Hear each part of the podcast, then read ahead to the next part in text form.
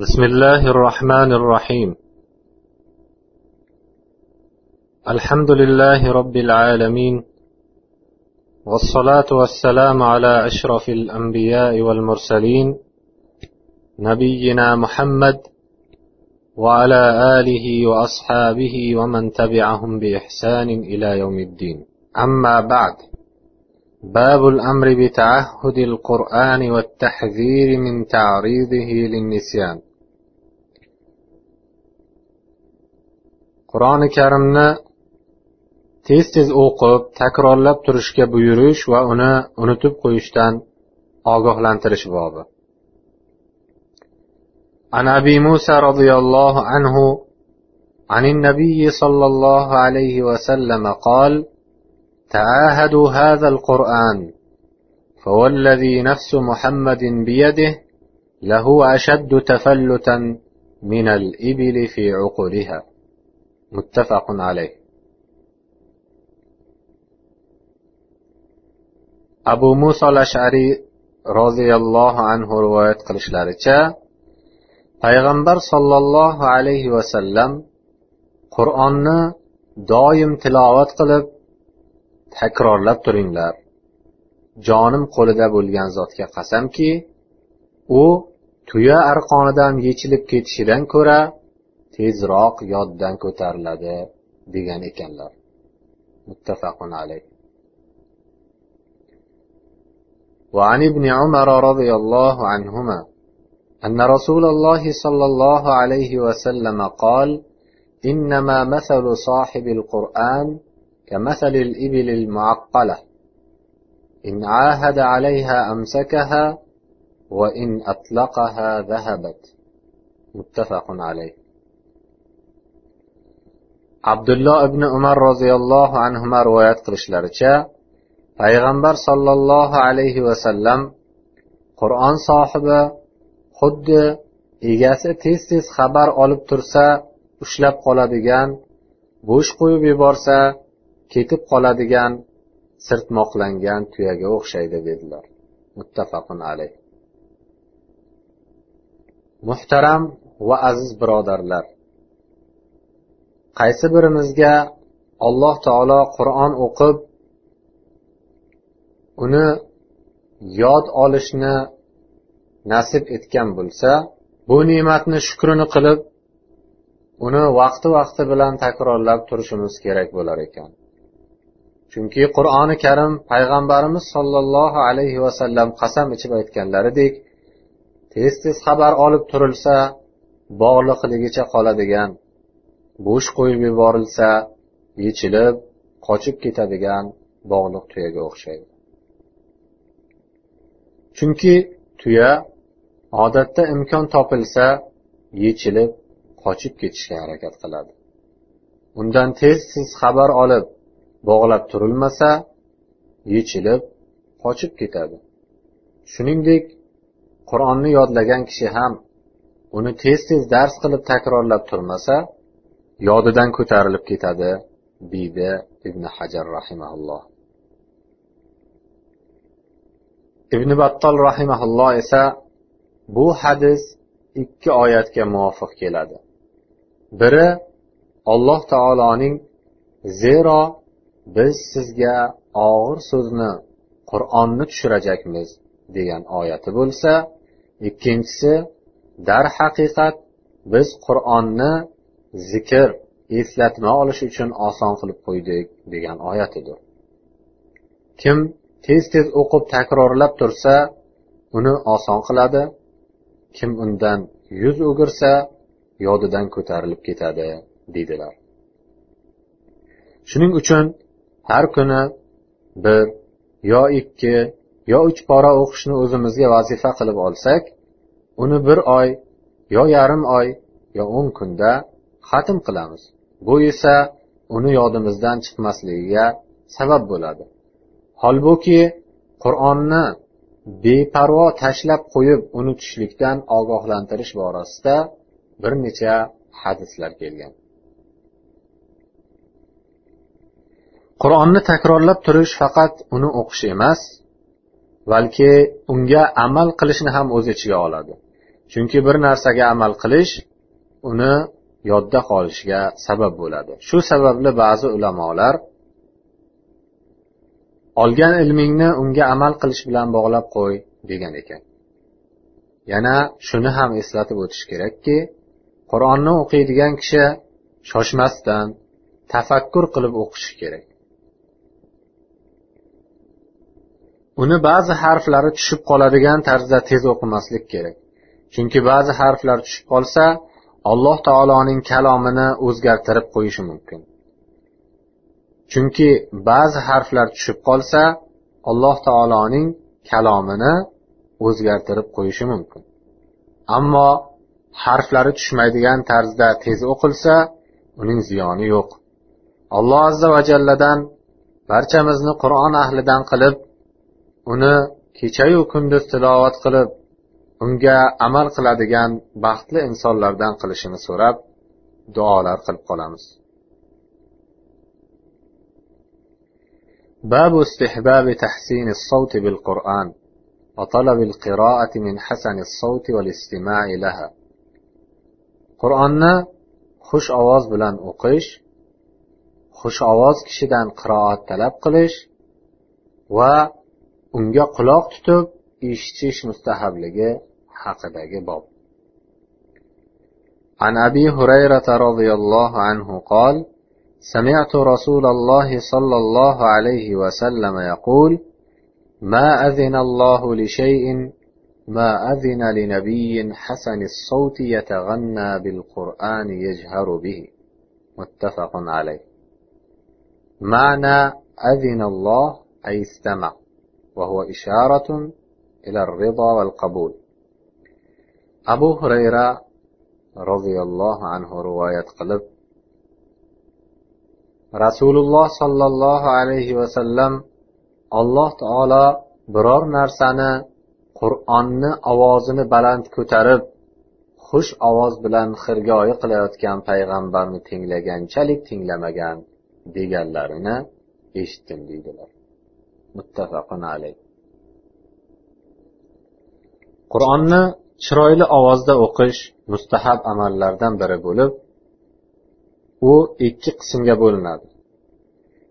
Birinchisi qur'onni aniq ravshan ma'nolarini o'zgarib ketmaydigan yo'sinda harflarni o'z mahraj o'rinlaridan chiqarib qiroat qilish bo'lsa ikkinchisi qiroatni chiroyli ohangda o'qish ekan.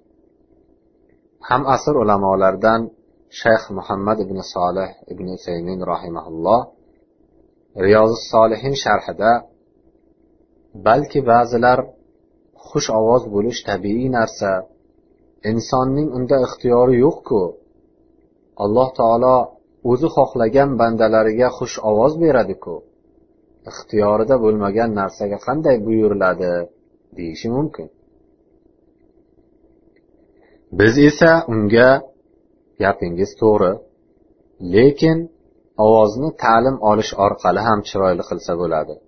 Chunki xush ovoz bo'lish tabiiy bo'lganidek unga o'rganish va mashq qilish orqali ham erishsa bo'ladi deb javob beramiz degan ekanlar. Bu hadisda alloh taoloning eshitish sifati borligiga ochiq oydin dalil bor. Allohu alam. وعن أبي موسى الأشعري رضي الله عنه أن رسول الله صلى الله عليه وسلم قال له لقد أوتيت مزمارا من مزامير آل داود. متفق عليه. وفي رواية لمسلم أن رسول الله صلى الله عليه وسلم قال له لو رأيتني وأنا أستمع لقراءتك البارحة. Abu muso ashariy roziyallohu anhu rivoyat qilib aytadilar. Rasululloh sollallohu alayhi vasallam u kishiga darhaqiqat senga oli dovud ya'ni dovud alayhissalom naylaridan bir nay berilibdi dedilar. Muttafaqun alayh. Imom muslim qilgan rivoyatda esa rasululloh sollallohu alayhi vasallam u kishiga kecha sening qiroatingni tinglab turganimni ko'rganingda edi degan ekanlar. Ushbu hadisdagi oli dovuddan maqsad dovud alayhissalomning o'zlari.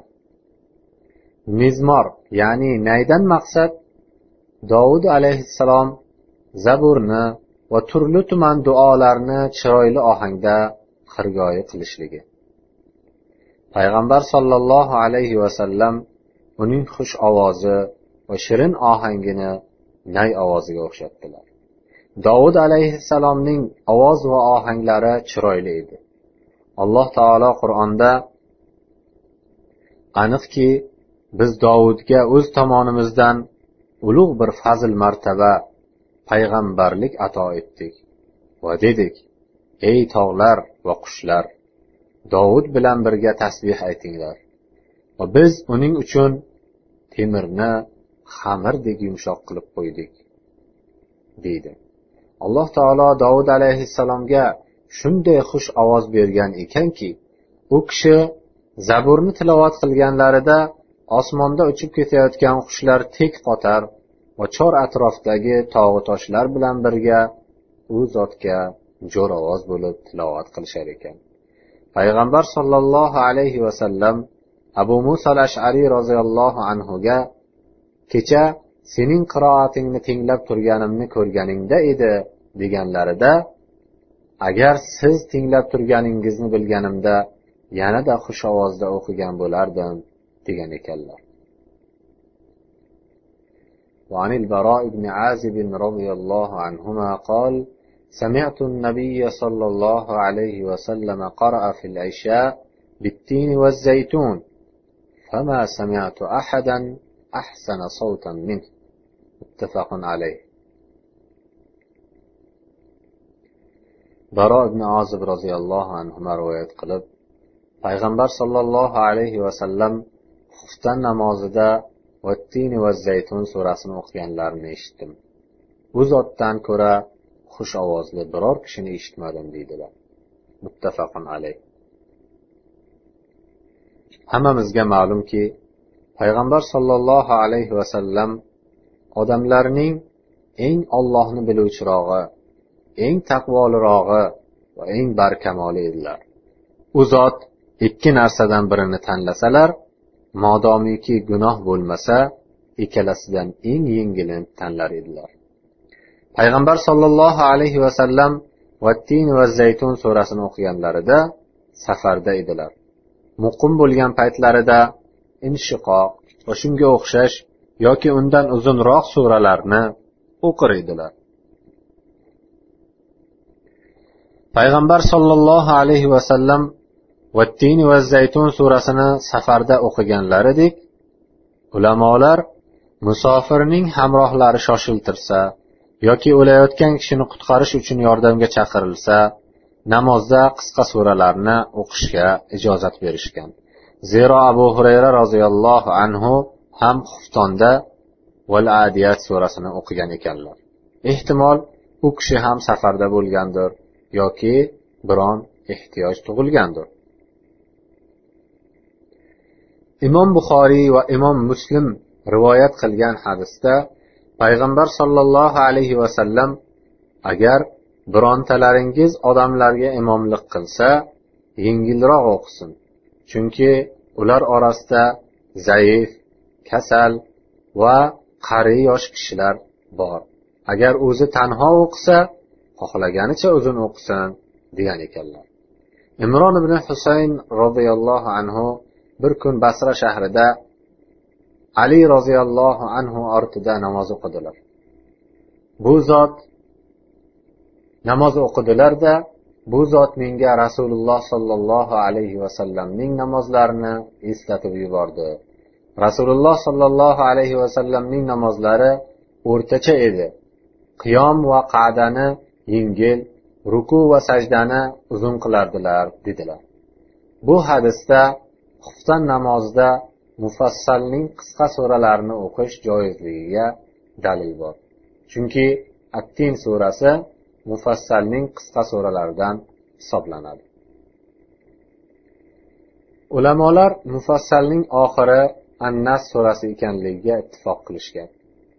Lekin boshi qaysi sura ekanligida o'n ikki xil qovulda ixtilof qilishgan. Birinchisi qof surasi ikkinchisi hujurot surasi.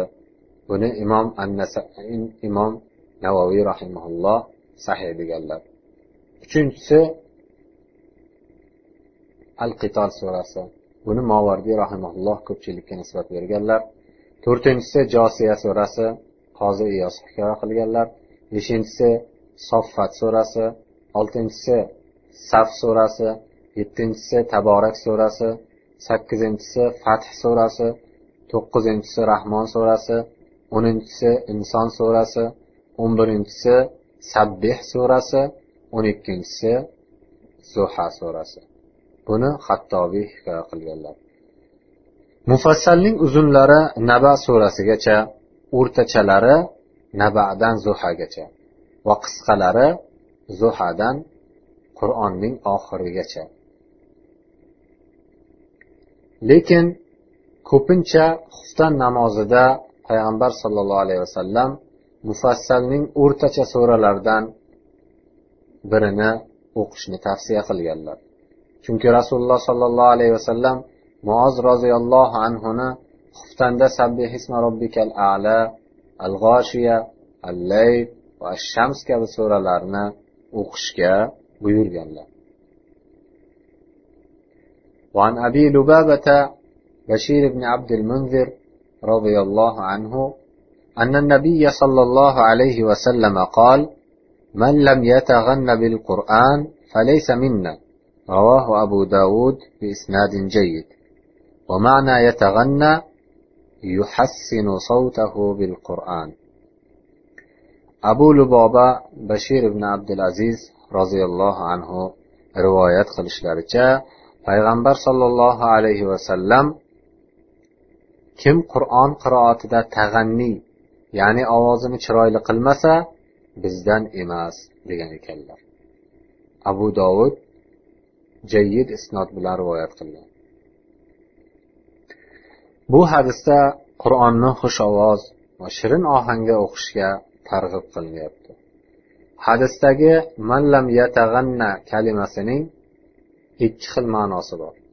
Birinchisi kim qur'on bilan kifoyalanmasdan hidoyatni qur'ondan boshqasidan izlasa bizdan emas degani. Chunki alloh hidoyatni qur'ondan boshqa narsadan izlagan kimsalarni o'zining to'g'ri yo'lidan ozdiradi. Ikkinchisi qur'on qiroatini xush ovozda o'qimasa degani imom navoiy rahimaulloh sahih muslim sharhida shu ikkala ma'noni zikr qilgandan so'ng ovozni xush qilish ma'nosi to'g'riroq buni qur'onni ovozini ko'tarib xirgoyi qiladi degan rivoyat yanada qo'llab quvvatlaydi degan ekanlar وعن ابن مسعود رضي الله عنه قال قال قال لي النبي صلى الله عليه وسلم اقرأ علي القرآن. فقلت يا رسول الله أقرأ عليك وعليك أنزل؟ قال إني أحب أن أسمعه من غيري. فقرأت عليه سورة النساء حتى جئت إلى هذه الآية.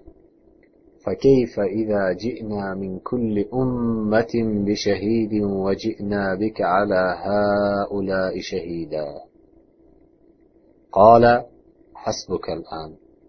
فالتفت إليه فإذا عيناه تذرفان. متفق عليه. عبد الله بن مسعود رضي الله عنه payg'ambar sollallohu alayhi vasallam menga menga qur'on o'qib ber dedilar. Men qur'on sizga nozil qilingan bo'lsa qanday men sizga o'qib beraman dedim shunda o'zgalardan eshitishni yoqtiraman dedilar. Men u zotga niso surasini o'qib ushbu ey muhammad alayhissalotu vassalom biz har bir ummatdan o'sha ummatning payg'ambarini guvoh keltirganimizda va sizni ana o'shalarning barchalari ustida guvoh qilganimizda insonlarning holi qandoq bo'lur degan oyatga kelganimda aytdilarki hozircha yetadi dedilar. Qarasam ikki ko'zlaridan yosh oqayotgan ekan.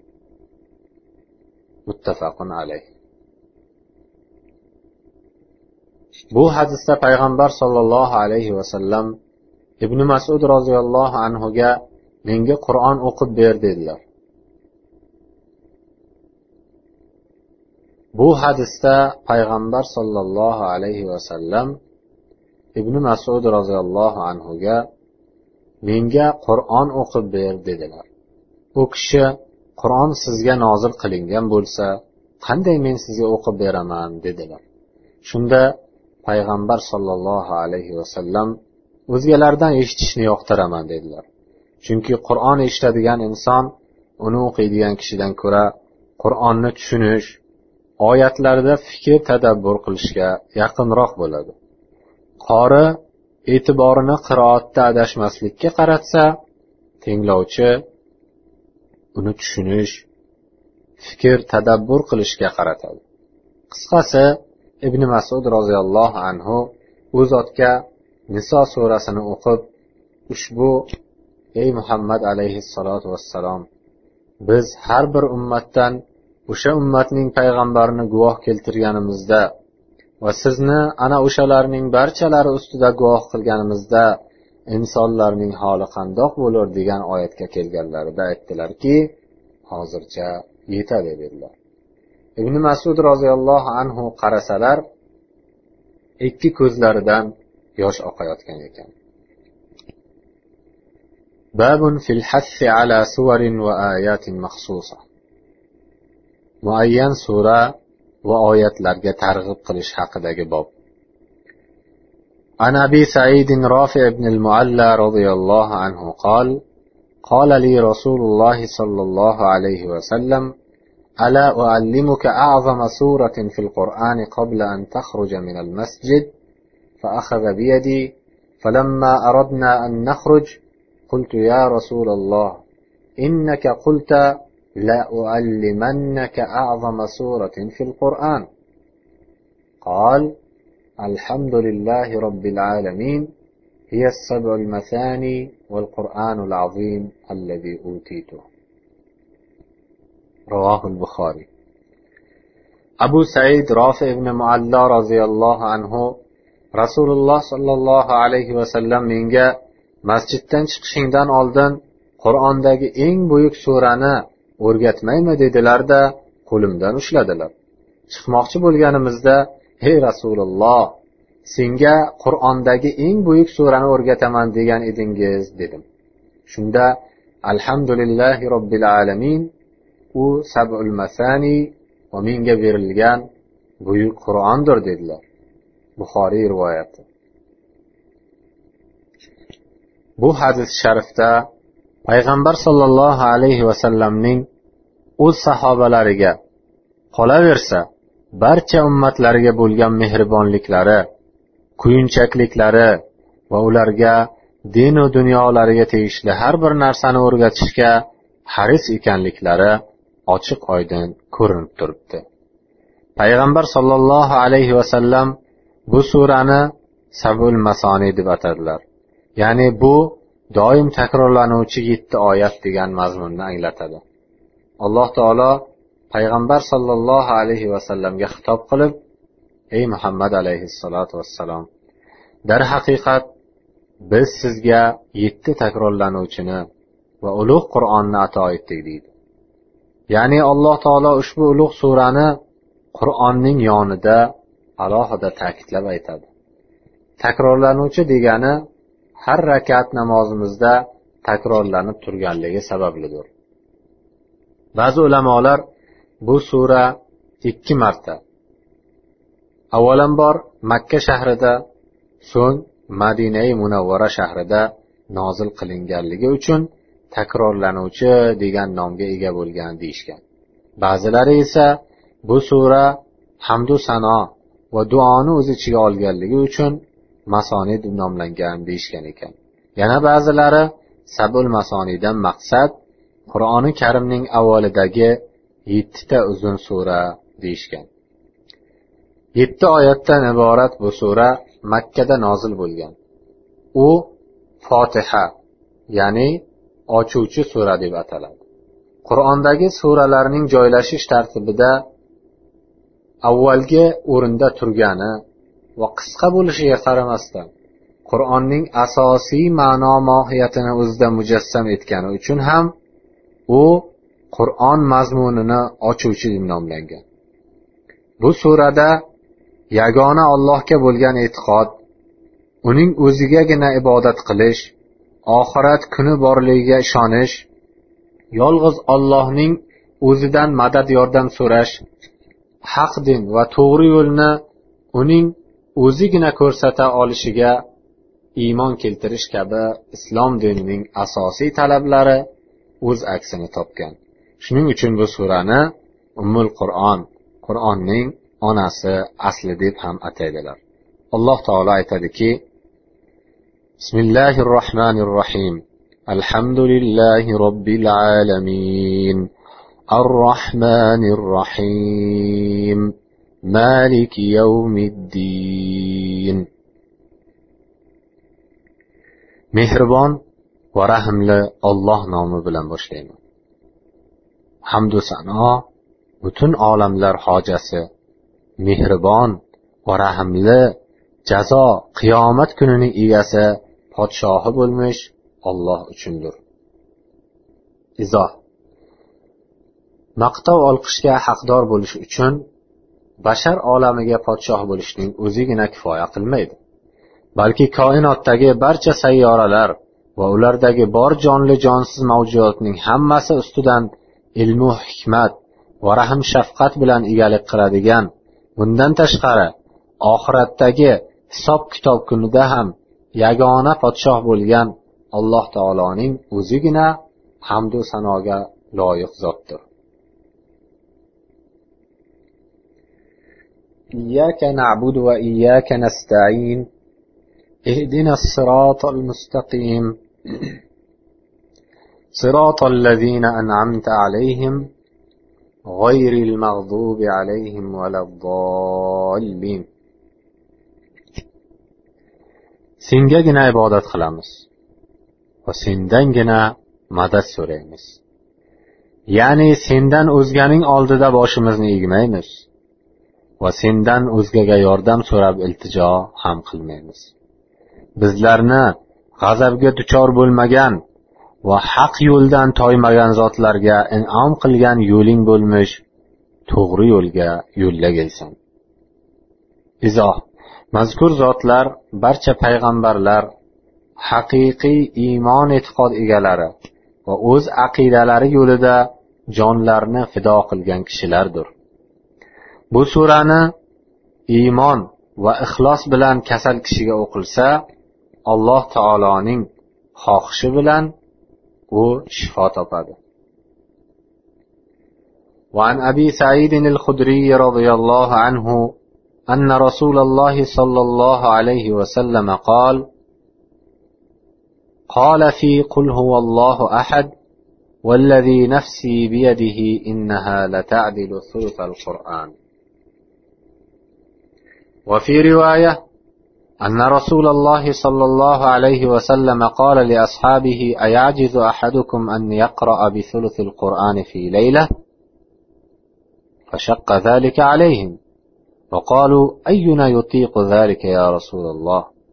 فقال قل هو الله أحد الله الصمد ثلث القرآن. رواه البخاري. Abu said al hudriy roziyallohu anhudan rivoyat qilinishicha rasululloh sollallohu alayhi vasallam qul huvallohu ahad surasi haqida jonim qo'lida bo'lgan zotga qasamki bu sura qur'onning uchdan biriga teng keladi degan ekanlar. Boshqa rivoyatda esa rasululloh sollallohu alayhi vasallam sahobalariga birontalaringiz bir kechada qur'onni uchdan bir qismini o'qishdan ojizmi deganlarida bu narsa ularga qiyin tuyulib qaysimizning bunga kuchi yetadi deyishdi. Payg'ambar sollallohu alayhi vasallam qul huvallohu ahad allohu samad qur'onning uchdan biridir dedilar. Buxoriy rivoyati وعنه أن رجلا سمع رجلا يقرأ قل هو الله أحد يرددها.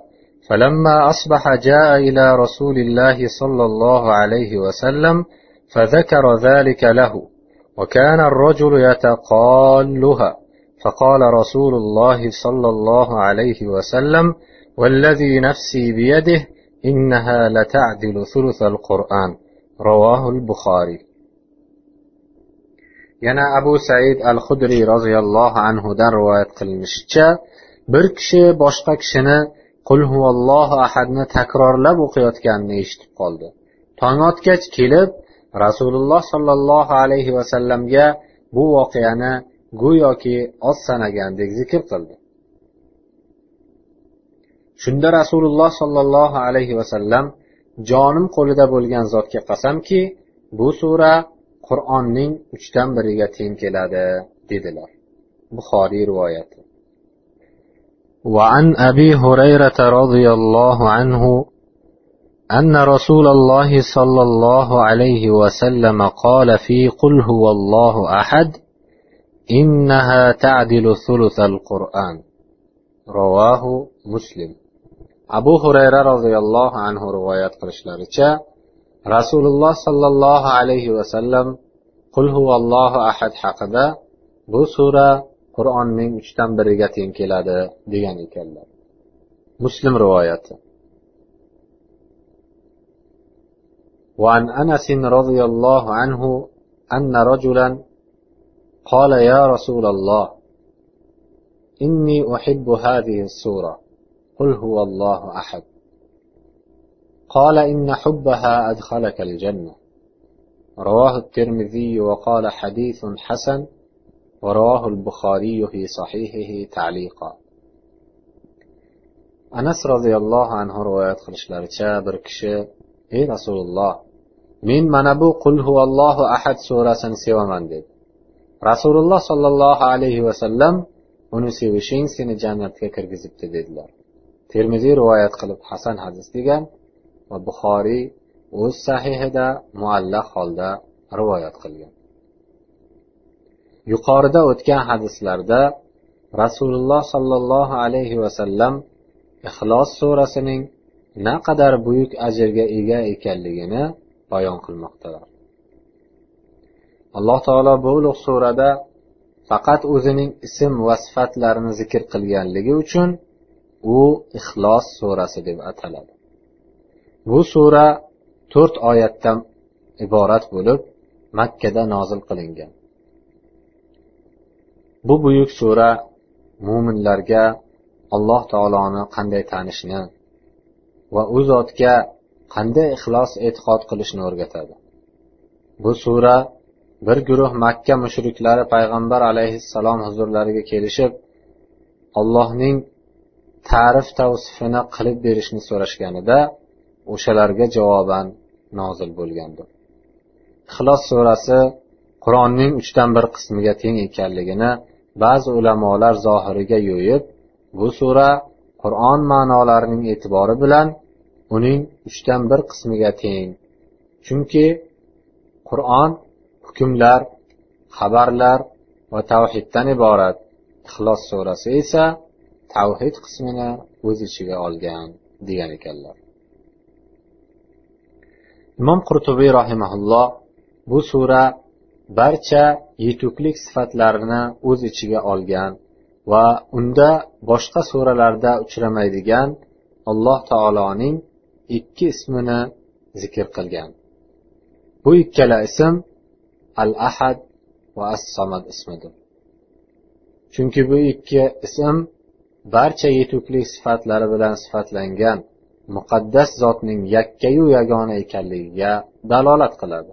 Buning bayoni shuki al ahad ismi alloh taoloning o'ziga hech kim ishtirok etmaydigan o'ziga xos vujudini bildiradi.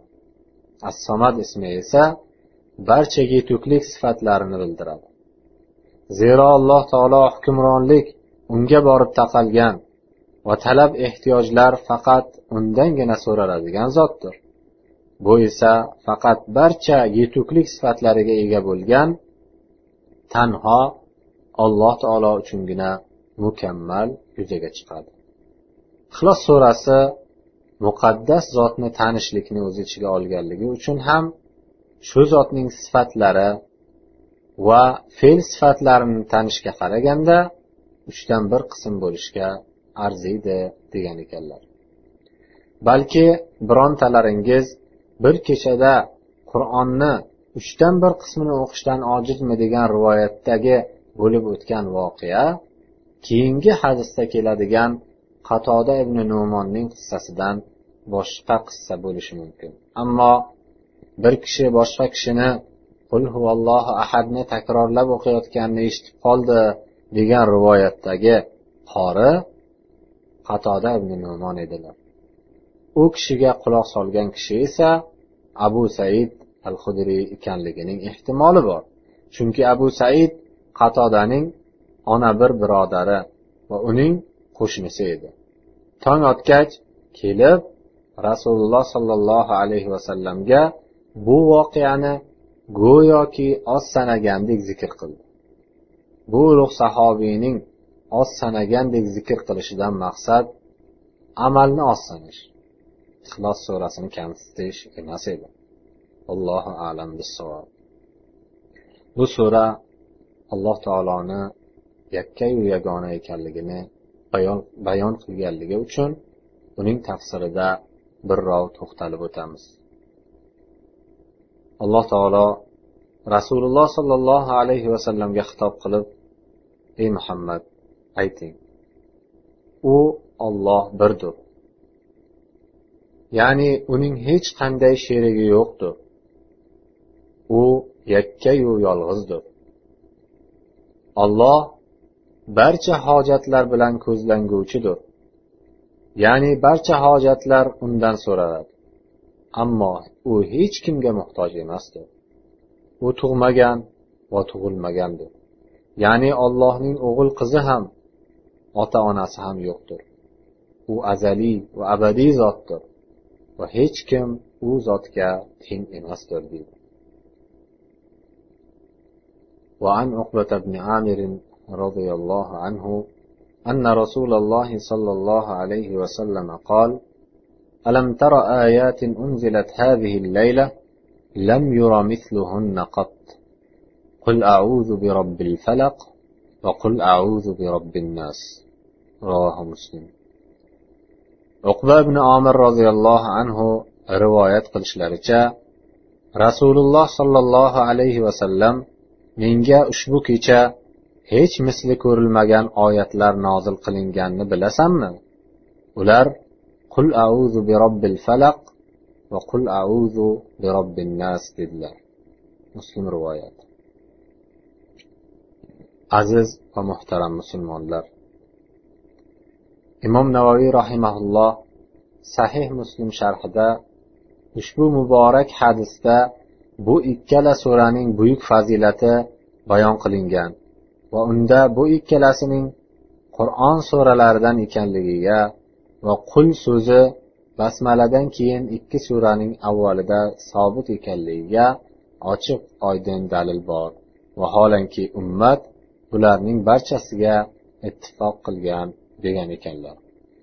Bu ikkala sura makkada nozil qilingan bo'lib birinchisi besh oyat va ikkinchisi olti oyatdan iboratdir. Bu ikkala sura al muavvizatani ya'ni ikki panoh berguvchi va asrovchi sura deb ham ataladi. Chunki har ikki surada alloh taolo payg'ambar alayhissalomga va barcha mo'minlarga yeru osmondagi barcha yomon narsa va hodisalardan yolg'iz o'ziga iltijo qilib panoh so'rashlarini ta'lim beradi. Qul auzu bi robbin nas surasi aytib o'tilganidek o'zidan avvalgi suraning ya'ni qul auzu bi robbil falaq surasining uzviy davomidir. Bu surada jinlar va insonlardan bo'lgan kishilarni vasvasaga solib yo'ldan uradigan shaytonlarning yomonligidan yolg'iz parvardigorga sig'inib panoh so'rash lozimligi uqtiriladi. Bu suralarni ixlos surasi bilan birga jamlab al muavvizat deb ham ataladi. Ushbu ikki sura o'ta katta ahamiyatga ega bo'lganligi uchun ularning tafsirlarini aytib o'tishlik maqsadga muvofiq bo'ladi deb o'ylayman. Falaq surasining ma'nosi quyidagicha. Ey muhammad ayting men tong parvardigoridan menga o'zi yaratgan narsalarning yomonligidan zulmatga cho'mgan kechaning yomonligidan tugunlarga dam solguvchi jodugarlarning yomonligidan va hasad qilayotgan hasadgo'yning yomonligidan panoh berishini so'rab iltijo qilurman. Annas surasining ma'nosi esa quyidagicha. Ey muhammad ayting men barcha insonlarning parvardigoridan barcha insonlarning podshohidan barcha insonlarning ilohidan menga o'zi jin va insonlardan bo'lgan insonlarning dillariga vasvasa soladigan qachon ollohning nomi zikr qilinsa yashirinib oladigan vasvasachi shaytonning yomonligidan panoh berishini so'rab iltijo qilurman. Bu ikki surani o'qib o'rganish va farzandlarimizga o'rgatish va ertayu kech uni o'qib o'zimiz va farzandlarimizga dam solib yurishimiz kerak. Chunki shayton har lahzada mo'min kishiga ozor berish yoki uning iymoniga putur yetkazishni poylab turadi. وعن أبي سعيد الخدري رضي الله عنه قال كان رسول الله صلى الله عليه وسلم يتعوذ من الجان وعين الإنسان حتى نزلت المعوذتان فلما نزلتا أخذ بهما وترك ما سواهما رواه الترمذي وقال حديث حسن abu said al hudriy rivoyat qilib aytishlaricha rasululloh sollallohu alayhi vasallam to muavvizatayn ya'ni qul auzu bi robbil falaq va qul auzu bi robbin nas suralari nozil bo'lguncha jinlar va inson ko'zidan panoh istab duo qilar edilar. Shu ikkala sura nozil bo'lgach ikkalasini olib boshqalarini tark qildilar. Termiziy rivoyat qilib hasan hadis degan ekanlar bu hadis sharif har ikki surani o'qib panoh so'rash boshqa duolarni o'qib panoh so'rashdan afzal ekanligiga dalolat qiladi. Boshqalari nojoiz ekanligiga dalolat qilmaydi. Chunki boshqa duolarni o'qib panoh so'rash bir necha hadislarda zikr qilingan. Bu ikki sura har qanday yomonliklardan panoh istash ma'nolarini o'z ichiga olganligi uchun ham payg'ambar sollallohu alayhi vasallam ikkalasi bilan kifoyalandilar. Ibn hajar rahimaulloh ulamolar ruqya qilish uchta shart bilan joiz ekanligiga ittifoq qilishgan. Birinchisi alloh taoloning kalomi yoki uning ism va sifatlari bilan bo'lishi ikkinchisi arab tilida yoki boshqa ma'nosi tushunarli tilda bo'lishi. Uchinchisi ruqya. O'zi ta'sir qilmaydi balki alloh taolo ta'sir o'tkazadi deb e'tiqod qilish degan ekanlar. Qurtubiy rahimaulloh ruqya uch qism bo'ladi. Birinchisi johiliyatdagi ya'ni islomdan avvaldagi ma'nosi tushunarsiz ruqiya bu turdagi ruqyada shirk yoki shirkka olib borish ehtimoli bo'lganligi uchun undan chetlanish vojib. Ikkinchisi ollohning kalomi va sifatlari bilan qilinadigan ruqya.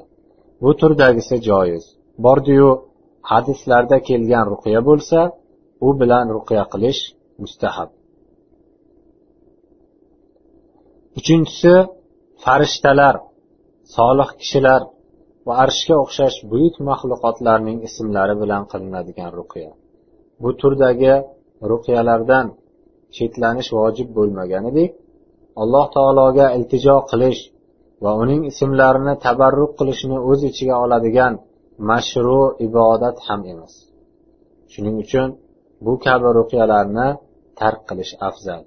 Lekin ruqya qilinayotgan narsalarni ulug'lash mazmuniga dalolat qilsa xuddi ollohdan o'zgaga qasam ichishga o'xshash undan uzoq bo'lish lozim bo'ladi degan ekanlar. Muvattoda rivoyat qilinishicha abu bakr roziyallohu anhu oysha roziyallohu anhoni ruqya qilayotgan yahudiy xotinga ollohning kitobi bilan ruqya qil degan ekanlar وعن أبي هريرة رضي الله عنه أن رسول الله صلى الله عليه وسلم قال من القرآن سورة ثلاثون آية شفعت لرجل حتى غفر له وهي تبارك الذي بيده الملك رواه أبو داود والترمذي وقال حديث حسن. وفي رواية أبي داود تشفع abu hurayra roziyallohu anhu rivoyat qilishlaricha rasululloh sollallohu alayhi vasallam allohning kitobida o'zi faqat o'ttiz oyatdan iborat bo'lgan bir sura ham borki u o'sha surani o'qib amal qilib yurgan kishini to uni mag'firat qilinguncha shafoat qilur. U taborakallazi biyadihil mulk surasidir degan ekanlar. Abu dovud va termiziy rivoyat qilib termiziy hasan hadis degan. Hadisdagi u o'sha surani o'qib amal qilib yurgan kishini to uni mag'firat qilinguncha shafoat qilur degan jumlasi o'tgan zamonda bo'lib o'tganiga ham kelajakda bo'lishiga ham ehtimol bor. Agar o'tgan zamonda bo'lib o'tgan deyilsa bir kishi bu surani o'qib uni ulug'lab yurar edi. Vafot qilgach ushbu sura uni shafoat qildida azob undan bartaraf qilindi degan ma'noda bo'ladi. Bordiyu kelajakda bo'ladi deyilsa taborak surasi uni o'qiydigan kishiga qabrda yoki qiyomat kunida shafoat qiladi degan ma'noda bo'ladi. Hadisda zikr qilingan bu sura makkada nozil qilingan bo'lib o'ttiz oyatdan tashkil topgandir. Sura barcha olamlar mulki podshohligi o'z qo'lida bo'lgan olloh tabaraka va taolo behad buyuk barokatli zot ekanini ta'kidlash bilan boshlanadi. Shu boisdan u mulk surasi deb nomlangandir. Ayrim manbalarda uni taborak surasi deb ham ataydilar. Bu surada alloh taolo o'lim va hayot ne'matlarini nima uchun yaratgani hamda u zot yetti qavat osmon va undagi bor mavjudotni qanday mukammal hikmat intizom bilan bunyod etgani bayon qilingan oyatlar qatorida oxirat haqida va u kunda kofirlar duchor bo'ladigan azob hamda ularning chekadigan befoyda afsus nadomatlari to'g'risida xabar beradigan oyatlar ham mavjuddir.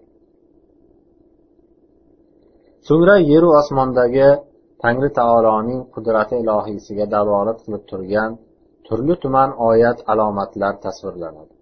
Hamda kofir va mo'min haqida ibratli misollar keltirilib barcha insonlarni alloh taolo rozi bo'ladigan to'g'ri yo'lni tutishga da'vat etiladi ushbu suraning fazilatlari bayonida ko'plab hadislar rivoyat qilingan bo'lib ulardan biri yuqorida o'tgan imom abu dovud va imom termiziy rivoyat qilgan hadisi sharifdir وعن أبي مسعود البدري رضي الله عنه عن النبي صلى الله عليه وسلم قال من قرأ بالآيتين من آخر سورة البقرة في ليلة كفتاه. متفق عليه. قيل كفتاه المكروهة تلك الليلة وقيل كفتاه من قيام الليل.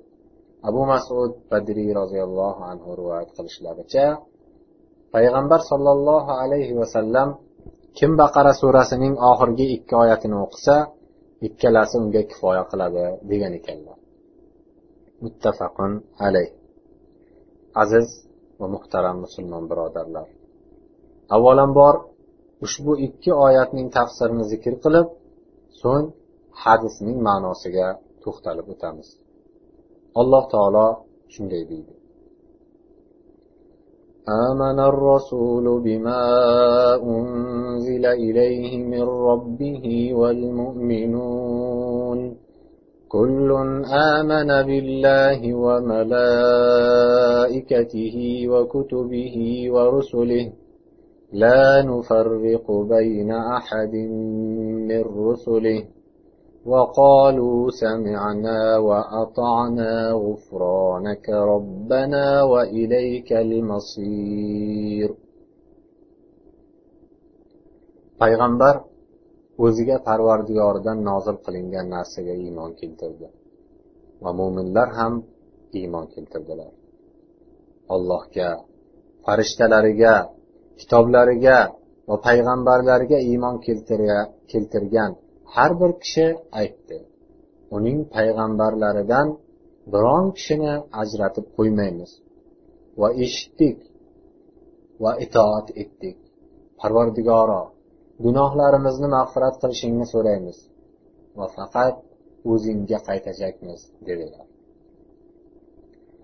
لا يكلف الله نفسا إلا وسعها لها ما كسبت وعليها ما اكتسبت ربنا لا تؤاخذنا إن نسينا أو أخطأنا ربنا ولا تحمل علينا إصرا كما حملته على الذين من قبلنا. ربنا ولا تحملنا ما لا طاقة لنا به. واعف عنا واغفر لنا وارحمنا. أنت مولانا فانصرنا على القوم الكافرين olloh hech bir jonni toqatidan tashqari narsaga taklif qilmaydi har kimning qilgan yaxshi amali o'zi uchundir va yomon amali ham o'zining bo'ynigadir parvardigoro agar unutgan yoki xato qilgan bo'lsak bizni azobingga giriftor aylama. Parvardigoro bizlarning zimmamizga bizdan ilgari o'tganlarning bo'yinlariga qo'ygan yukingni yuklama. Parvardigoro bizlarni toqatimiz yetmaydigan narsaga zo'rlama.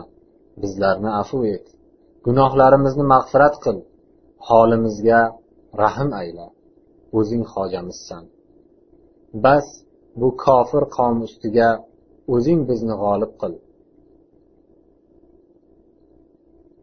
Navoiy rahimaulloh ba'zi ulamolar nimadan kifoya qilishi to'g'risida kechasi o'qiladigan qiyomil layl namozidan kifoya qiladi deyishgan bo'lsa ba'zilari shaytondan kifoya qiladi deyishgan ekan. Yana boshqalar ofatlardan kifoya qiladi deyishgan ekan. Vaholanki hadis bularning barchasiga ehtimoli bor deydilar. Imom nasoiy ibn abbosdan rivoyat qilgan hadis bu ikki oyatning fazilati naqadar buyuk ekaniga dalolat qiladi. Jibril alayhissalom rasululloh sollallohu alayhi vasallamning huzurlarida edi. To'satdan tepalaridan g'irchillagan ovoz eshitdilar. Shunda jibril alayhissalom osmonga qarab bu osmondagi oldin sira ochilmagan eshikning ochilgan tovushi dedilar. O'sha eshikdan bir farishta tushib payg'ambar sollallohu alayhi vasallamning oldilariga keldida darhaqiqat sizga berilib sizdan oldingi bironta payg'ambarga berilmagan ikki nurning xushxabari bilan quvoning. Bu ikkalasi fotiha surasi va baqara surasining oxirgi oyatlaridir. Bu ikkalasidan qaysi bir harfni o'qisangiz albatta u sizga beriladi dedi. Olloh xohlasa imom muslim shunga yaqin ma'noda rivoyat qilgan hadisni ham zikr qilib o'tamiz. Allohu taala alam.